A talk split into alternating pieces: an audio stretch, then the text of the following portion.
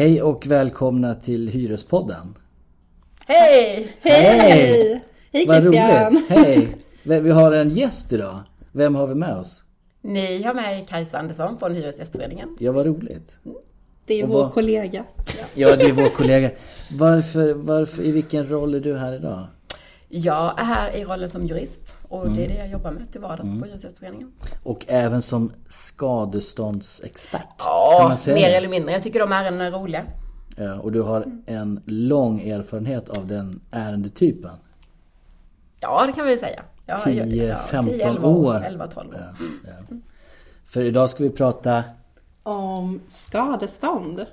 Det är ju väldigt vanligt att eh, en hyresgäst får ett, en faktura när man flyttar eh, på, vad kan det vara, allt möjligt kanske? Ja, men Skador. nå- någonting som hyresvärden anser att hyresgästen har förstört. Oftast. Absolut. Ja, det är jättevanligt. Det är Ja. nog en av de eh, alltså, topp tre ärendena som vi handlägger på Hyresgästföreningen. Mm. Eh, Väldigt vanligt. Väldigt vanligt också att det blir bråk och tvister kring det här. Mm. Vad är det så att säga vanligast förekommande kravet? Finns det något sånt? Det här, det absolut vanligaste, det här har du förstört eller? Alltså det som är mest uppenbart är väl kanske skador efter husdjur. Eh, sen eh, det som oftast blir tvistigt är frågan om det är normalt eller onormalt slitage. Och, och det är ju Ja. som ni hör en väldigt stor gråzon. Vad är normalt? Vad är onormalt? Ja, det är oftast, kring det. ja, men det är oftast där man landar, den här, vart går gränsen mellan... Och den är svår. Den är inte alls självklar.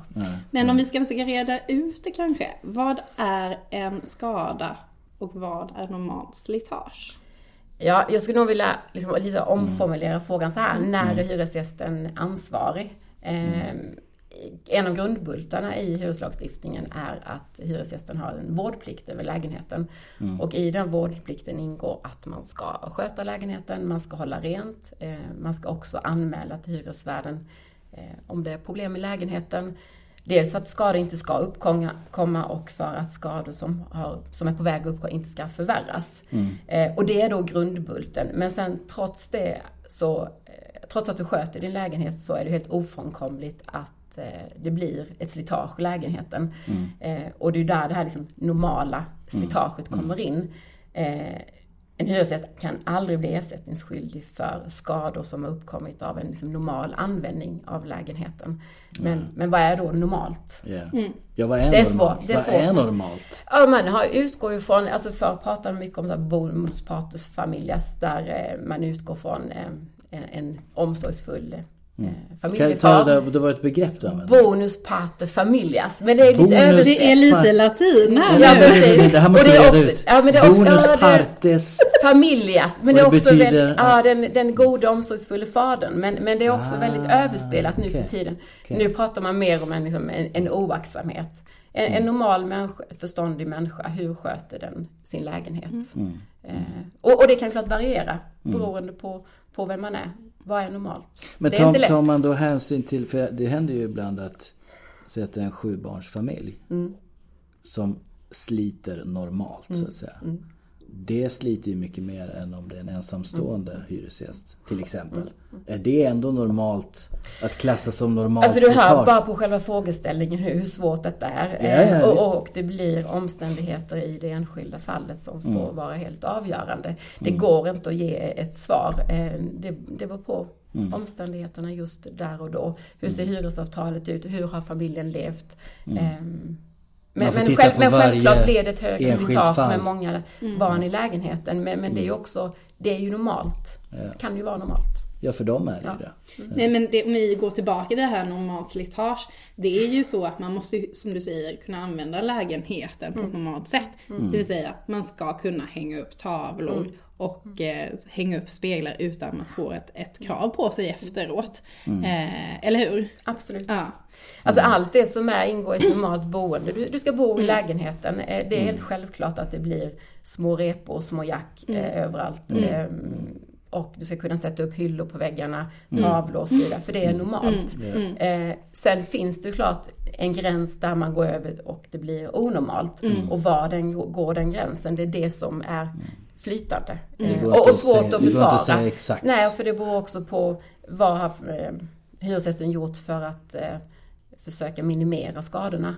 Mm. Eh, det finns ju vissa enkla åtgärder som man, som man kan ta till för att Mm. Minimera. minimera. Vad, vad är det vanligt skulle du säga att hyresgästen får ett krav på grund av normalt slitage? Eh, jag kan tycka mig uppleva en ökning eh, de senaste åren. Eh, så att relativt vanligt där hyresvärdar söker övervältra eh, ett ansvar på hyresgästen. Eh, där det inte alls är självklart att hyresgästen är ansvarig. Men om vi säger då att hyresgästen får ett krav då när man flyttar som man inte tycker att man är skyldig att betala.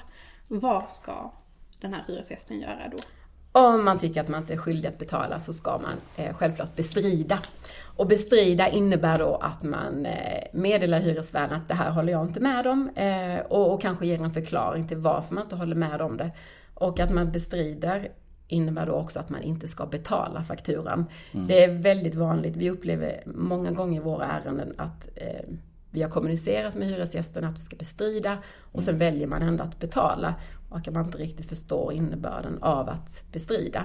Eh, så det är det första man ska göra. Sen tycker jag att om man är medlem i Hyresgästföreningen så ska man direkt därefter eh, kontakta Hyresgästföreningen eh, för att diskutera kravet och situationen med oss och få en professionell bedömning av hur man ska hantera detta vidare. Det här med, för oss är ju just begreppet bestrida självklart. Ja. Men vad betyder det i praktiken? Vad gör du rent konkret? Du meddelar hyresvärden att du inte håller med om kravet. Att det är felaktigt. På vilket sätt meddelar jag det? Gärna skriftligt. Eller absolut, alltid skriftligt skulle jag vilja säga. Jag och spara rekommenderar- mejlet. Och spara mejlet så man kommer ihåg det. Eller ha det till Och hands. varför ska man göra det? Varför ska man spara det? Varför är det så viktigt? Nej, det är viktigt att kunna visa att man har, att man har gjort det. Ja. Om det sen blir Blir en tvist. Precis. Ja. Vad, vad är det van... Alltså när är det så att säga solklart hyresgästens... Alltså när ska man solklart betala? Det är om man uppenbarligen har slagit Den sönder någonting. ja. Alltså, Den situationen att det är helt uppenbart den... Finns inte. Det är ganska sällsynt. Men, men om du har orsakat en skada, det vill säga du, du har slagit sönder någonting.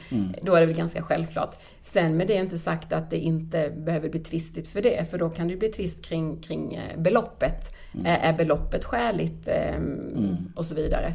Men, men det, sen är det också så att man som hyresgäst svarar för eh, andra personer i ens hushåll. Eh, gäster, hantverkare. ehm, under förutsättning att de har varit liksom oaktsamma. Men det här skäliga beloppet, jag vet inte om vi ska diskutera det lite grann. Ehm, Jag tänker ju att man måste, hyresvärden ska ju naturligtvis, eh, om man nu har vållat då en skada, ska ju hyresgästen betala för det. Men det måste ju vara skäligt. Vad är ett skäligt belopp? Det är kanske lite, kanske ganska filosofiskt.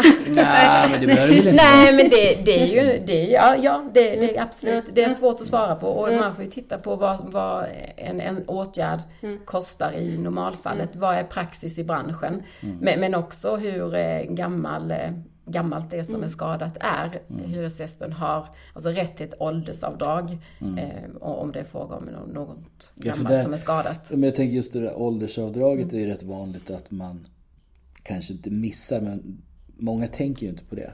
Nej. Det ska ju inte ersättas ett, Fullt hand, ett handfat som Nej. slås sönder ska ju inte ersättas med ett nytt. Nej. Om det är tio år gammalt. Eh, Eller ta, i- om man pratar om det här onormala slitaget på tapeter till exempel. Eh, så brukar man säga att fastighetsägaren har ett, ett underhållsansvar. Eller fastighetsägaren har ett underhållsansvar. Och det ska ske underhåll med ett liksom, skäligt tidsmellanrum. Eh, och om man tar i Malmö så är det här skäliga tidsmellanrummet eh, cirka 12 år. Skadar man då tapeterna efter fem år, då är man bara skyldig att ersätta den del som är kvar till nästa gång det är dags för underhåll, alltså sju tolftedelar. Ja. Ehm, Det där kan ju vara lite krångligt. det är absolut krångligt och jag tror att många hyresgäster när man får en faktura från hyresvärden blir rädd. Eh, och, och det är obekvämt. Man betalar utan egentligen liksom fundera över om man är ersättningsskyldig. Eh, och även om man känner att man är ersättningsskyldig, om beloppet är rätt. Och, och det är där vi kommer in i bilden och kan hjälpa till att, att göra de här bedömningarna. Jättebra. Har du någon mer fråga om skadestånd Josefin? Ja, kan man kanske förebygga på något sätt att man inte får ett krav? Jag Just tänker det, när man eh, ska flytta ut något särskilt man ska tänka på. Man kanske, kanske har haft en dålig relation med hyresvärden.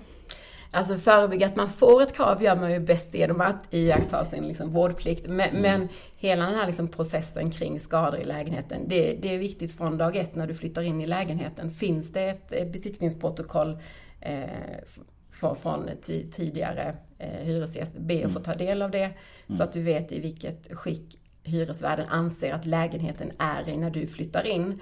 Eh, stäm av så att det som eh, du upplever och ser i lägenheten finns med i besiktningsprotokollet.